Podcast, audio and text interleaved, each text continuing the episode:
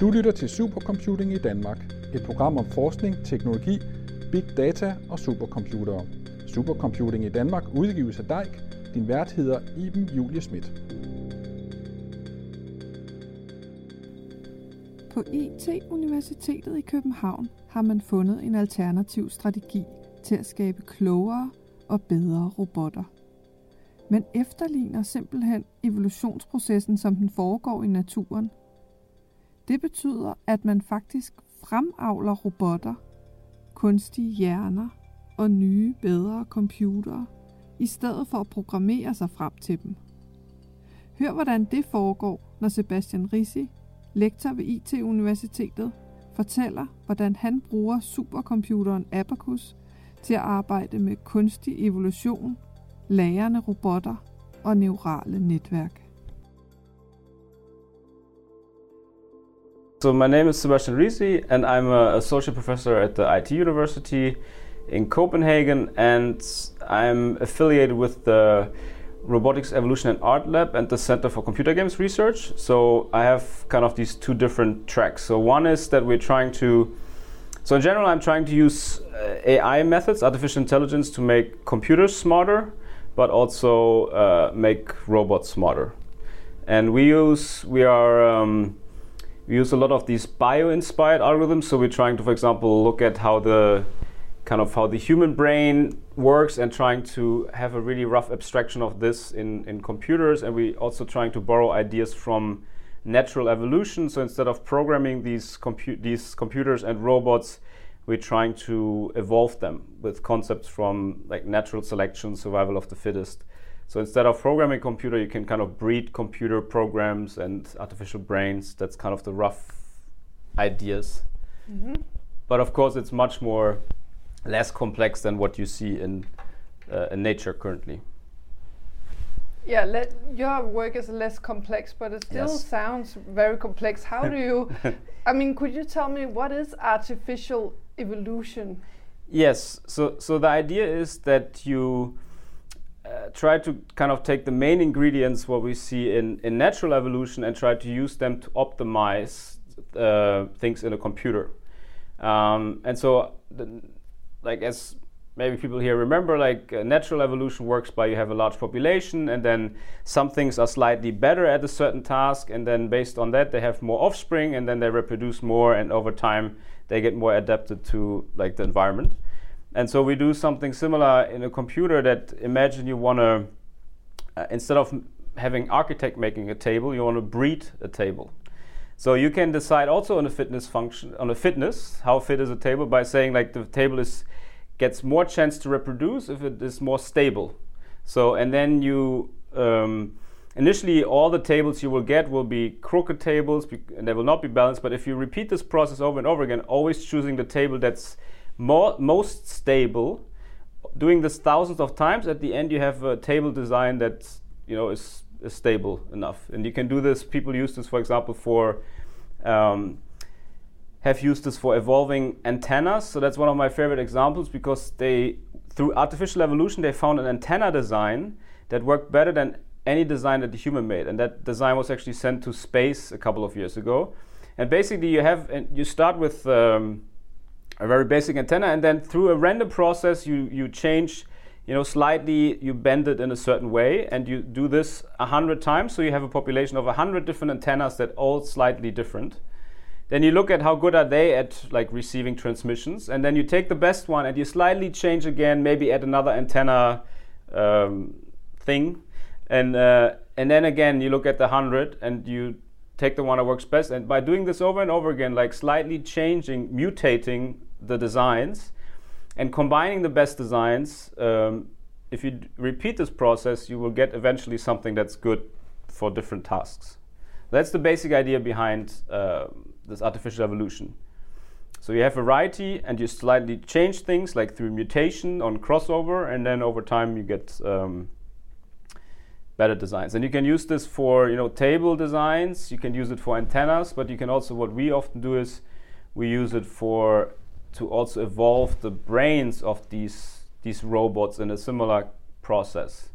That you have and oftentimes we do this in, in simulation. That's also why we need the Abacus, for example, that we because it's a very computational intensive process that you can't really do on physical robots directly. So we have large scale uh, evolutionary experiments. We have a, an environment that kind of tries to like a simulation that tries to be as close to the real world as possible, where you have robots and then you have uh, each of these imagine 100 robots each of these robots has an artificial brain that's slightly different and then again we want to for example evolve them to travel as far as possible so you take, initially they will all not travel far at all, but one will be slightly further than the other. You take that one, you slightly change their brains by changing the connections in the brain, adding another connection.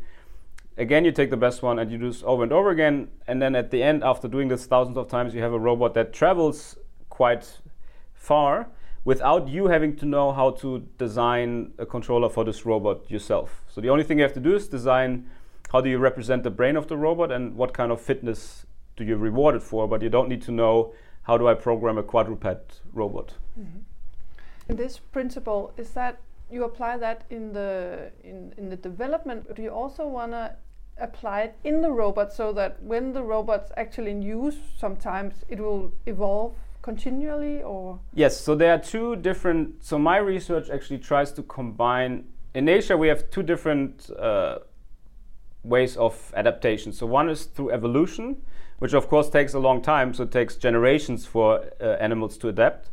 But of course, then you also have animals that can adapt uh, like in their lifetime much quicker. Like a dog, if it's injured, if it loses a leg, it's able to, you know, after a few minutes, it can walk with three legs instead of four legs.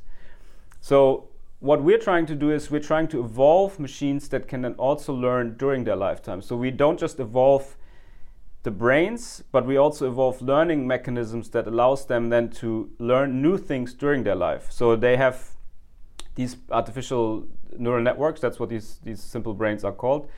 They have, for example, also now we added memory to them. So they can learn and uh, to read and write from an external memory. So similarly to us, they can remember and learn from past experience. So they can write if they let's say a very simple task. The robot is born in a world and it doesn't know if uh, red berries are poisonous or good. So to explore, you have to try it at least once to know. And then these robots now have the ability to write that knowledge into like this memory. And then next time they encounter the same berry, they can look, okay, I ate this before, it wasn't good, so I'm not going to eat it again. Mm-hmm. So that's something we're exploring, like combining evolution and what we call this lifetime learning, learning during the lifetime of the, the machine of the agent. Yeah. Mm-hmm. Do you have uh, robots in as which are actually working in real life, or? Uh, yeah, so we have some. We're working on. Um, we have some modular robots um, that uh, they don't combine this lifetime learning yet, but they are evolved in a simulation their their behavior, and then then we can transfer that behavior to the actual physical robot. Um, and then the next step would be to give them also the ability to adapt during their lifetime. So we have shown that this works in a in a simula- in the simulator, but not in the uh, we haven't used that in the physical world mm-hmm. yet. Are you going to? Yes, yeah, yeah. That's the, definitely the next step would be to once now we know it works in in simple environments in the simulator. The next big step is to scale up and then try to make it work in the real world, which has a lot of uh, additional challenges because you can in a simulator, you're not always going to have all the different factors that influence how good your robot performs. So then you have to also try it in the real world and then see how it works there.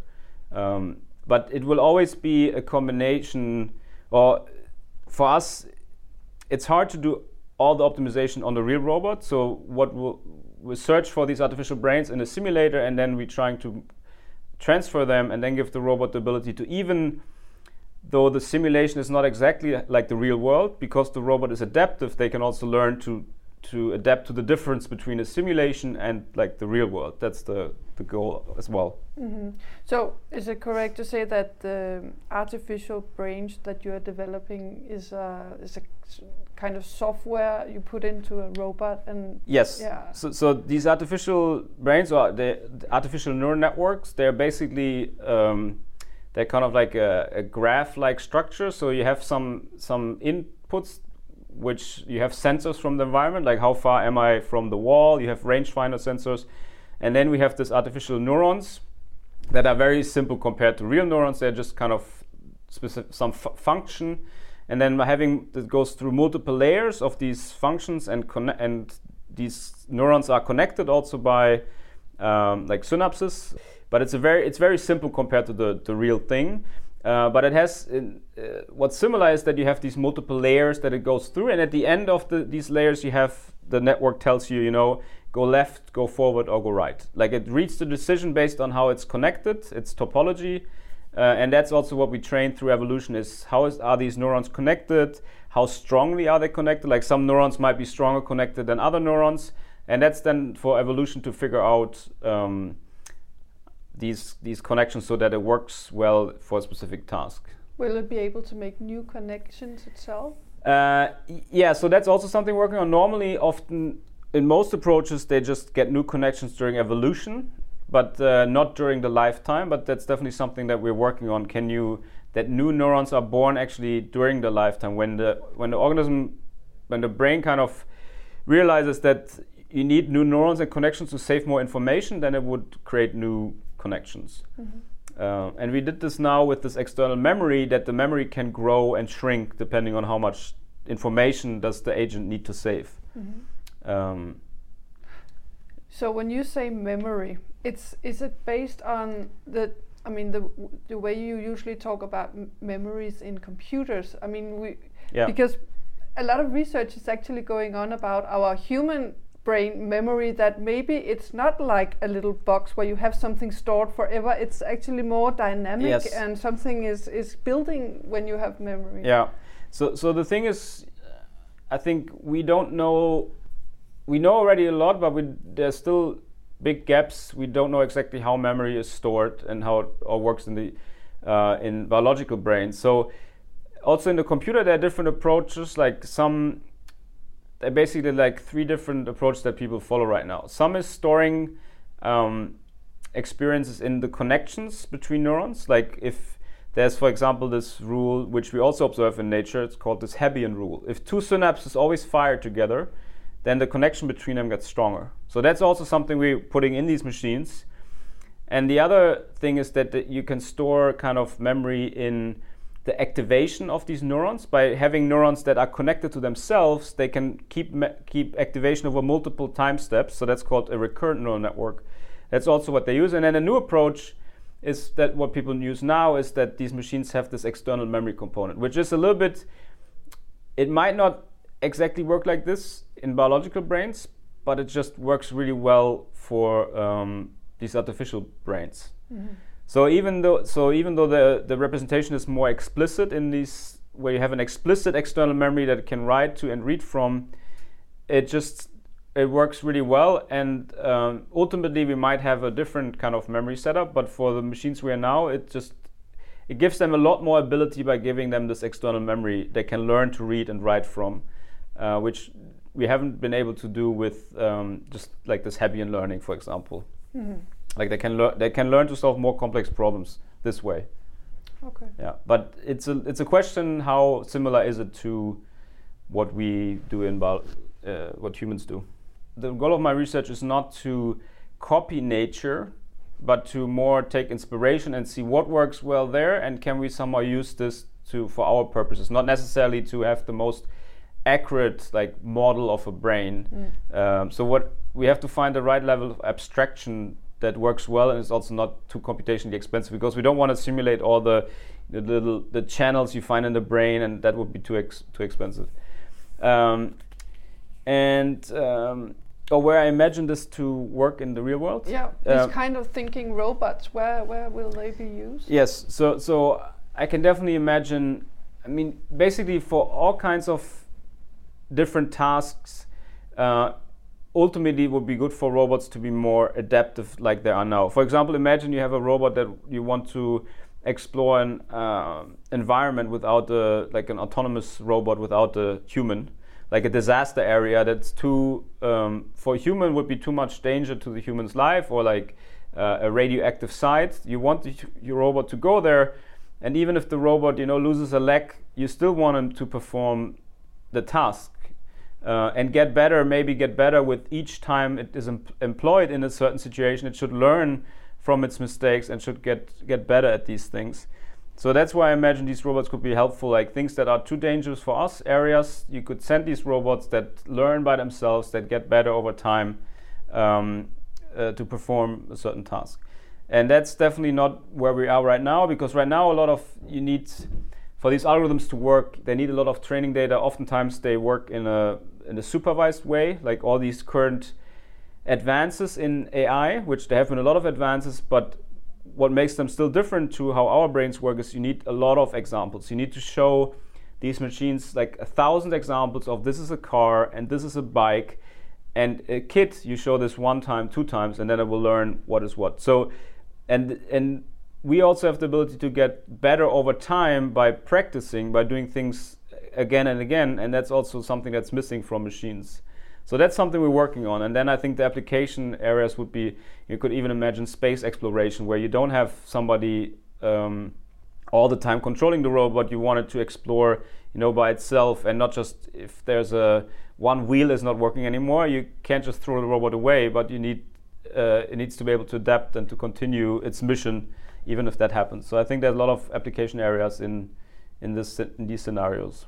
People have been researching AI methods since, I'm not sure, probably like 60 years or, or longer, probably. But there have been certain phases where AI was kind of hot and then phases where you know interest died down so over time there have been different and especially with these what is now really popular is these uh, neural networks like this deep learning which is based on these uh, models of simple models of uh, uh brains. So there was a lot of hype initially with these networks and then it died down again. Some people call this also the ai winter because then there was not much progress and people were initially very excited but then they couldn't make it work in the real world for example and not for certain tasks so then it died down again. And then recently like the last four or five years there was now there's a big push again because they really have figured out how to make it work well for a lot of tasks that's also relevant for the industry so currently, this deep learning is really popular, which does not really involve involve this artificial evolution. But I think the next step would be to combine this deep learning, uh, where people oftentimes hand design these networks. So they they des- they decide, okay, we need three layers here and two layers there and this layer there. But I think to scale up, we should combine this with artificial evolution to automate the design of these networks. So in deep learning the only thing that gets trained currently in most approaches is the weights between neurons. But the human decides, I need 1,000 neurons here and 1,000 there. But that's something that I think we should also automate. So have artificial evolution design the structure, and then you have something like deep learning or other methods that could then optimize it, um, the connections between them. So I think ultimately it's going to these two fields will kind of merge and that's also why I think we need more and more computational resources because deep learning is already expensive. And then evolution is kind of like an outer loop. So you have these, this deep learning and then you have evolution on top. Um, and that just requires a lot of computational resources to, to run both things uh, in parallel. So is that a limiting factor at the moment, the computational resources? It's definitely. I mean, for us, it would. It's it's always good to have more resources. Yeah. So um, it has been a little um, i mean now it's getting better but before it was definitely that we always had to make sure that if you want to combine evolution and something like deep learning imagine in, in deep learning sometimes these networks train. It takes them a few days to train. If you run evolution on top of this you need um, that requires a million evaluations. Like you have to evaluate a million individuals to get something good. Imagine like a million times a few days, that would be how long it will take to train. So there's still a bottleneck uh, there, um, and yeah, we just need to scale our experiments. I think to involving more more cores and uh, more GPUs, and uh, which also requires some engineering effort because you need to parallelize how you run the experiments as well. Mm-hmm. And uh, and can you do that at Abacus? Um, Yes, um, we can do that, um, and that's also something we're working on now, like scaling to more. So now that we have shown they work in these simple environments, we want to try to scale up and um, to to more cores and just larger experiments running for longer as well. Yeah, so that's definitely something we're looking at now, and yeah. So when did you start using supercomputers in your research? So during my PhD, we had um, we had like a s- smaller cluster, and then and then we had some experiments with the Amazon. They also have some um, like clusters that you can use, and then uh, we started using the Abacus. Maybe it's like one and a half years ago, something like this. Um, and yeah, that definitely helped. Also, that it's pretty easy to administer, and it's definitely also more. It's not as costly. It's a good. Uh, you get a good um, good performance for for what you pay. Um, whereas Amazon, I think, is more would be more expensive than when we use the Abacus. So that's good for us. Do you think we need a national uh, supercomputing resources, a national strategy for how research should be um, supported by uh, supercomputing resources? Yeah, I think it's yeah, I think that would definitely be great, and I think it's great that Denmark has this uh, resource like the Abacus, uh, because it definitely makes our life a lot easier to have it. So I think it's it's great, and I think um, that's definitely something to invest uh, in the future, like making this even more prominent, because um, I think that will that's what will also determine like competing with other countries and competing with other um, countries and companies. Like all these companies like Google, they have so many computational resources, and it allows them also now to do like uh, the most cutting edge research. So I think we also have to have the same here, and so that's a. So I think we need to also expand on it, and I think it's good that it that there's this initiative, um, which really I think we need to be able to stay competitive. So, what are you working on right now? Do you have any project running in Abacus? Yes, so we have this, uh, which is also a project that's uh, co-funded by the EU, where we're trying to evolve uh, plant robot hybrids. So that's something that's actually running right now, uh, where we have some simulations where we're trying to evolve structures, robot structures that can work together, for example, with plants in the real world, plant structures.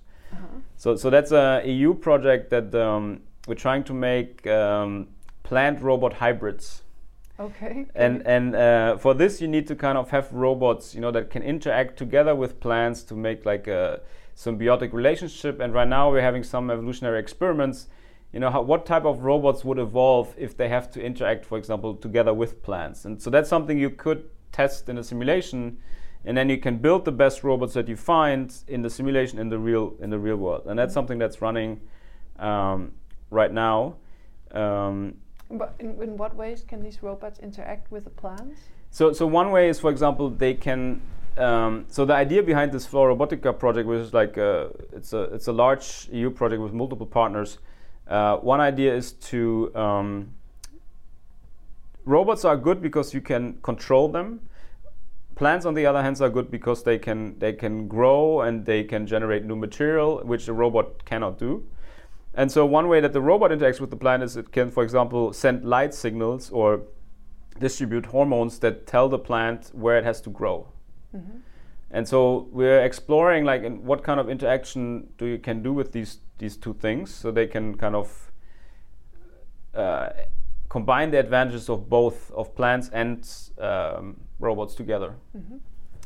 And that's something that's that's running right now. And then I also uh, we're going to start experiments soon with this um, where you have this external memory, which we call uh, evolving neural Turing machines, and that's another experiment that we're going to um, where we're going to scale it up, which we so we had it uh, just I uh, presented this last week at the conference, and now we're going to scale it up to more complex tasks, and uh, where the robots also have to, you know, learn to work from higher dimensional input. So oftentimes in these initial experiments, we directly tell the robot, okay, there's these and these uh, things are present in the world, but then the next thing is to allow them to learn, for example, from raw visual feedback. Instead of telling them which are the objects, they have to automa- like manually figure out, you know, what are the different objects and how can they be combined. So that's something we're also going to start soon as well.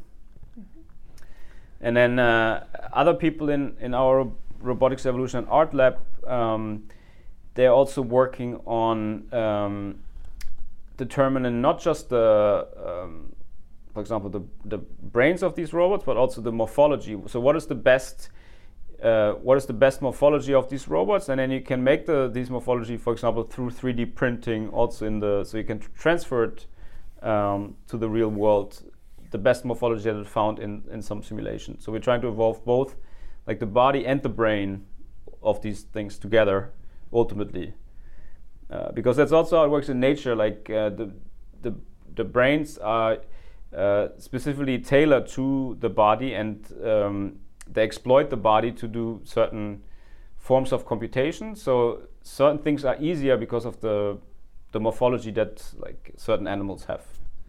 Um, yeah. are, are in in your robots, uh, are the brains still located uh, somewhere isolated from the body?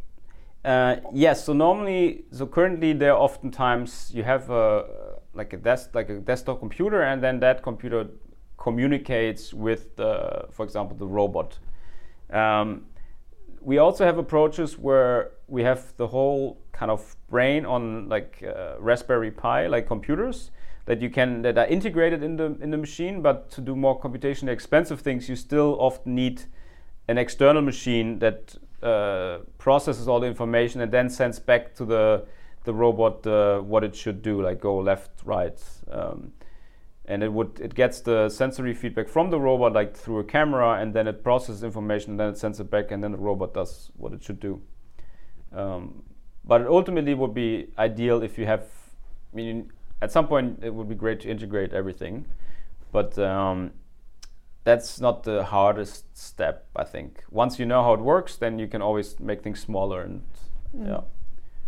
So where would you like to take your research if you look like five or ten years ahead, do you have any ideas where it could be really cool to go? Right.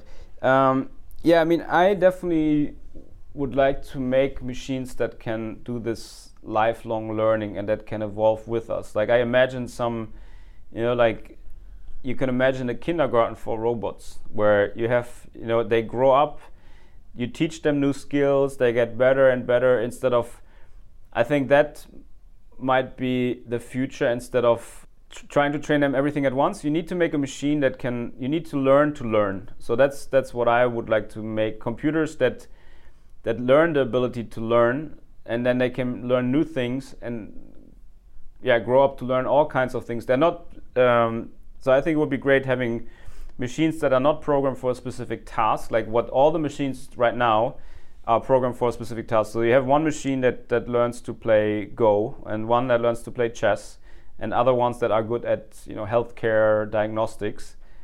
But I think it would be great if you can teach this machine anything, like you can teach us. Like you can teach somebody learn Chinese if they're a kid, or English.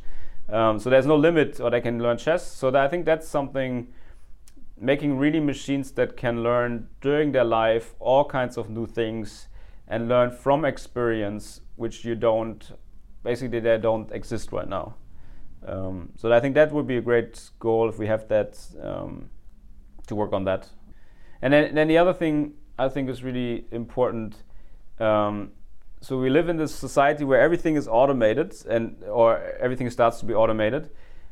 And so one important thing for me is also can we make things that work together with machines? Like can you can you combine the best ideas of robots and um, humans to come up with solutions for important problems quicker than each one could by themselves? So I'm interested in this, what um, I call like hybrid intelligence, where you have a computer that gives suggestions, the human gives suggestions, and together you reach a solution to a problem by collaborating instead of just automating everything, only having AI. I think.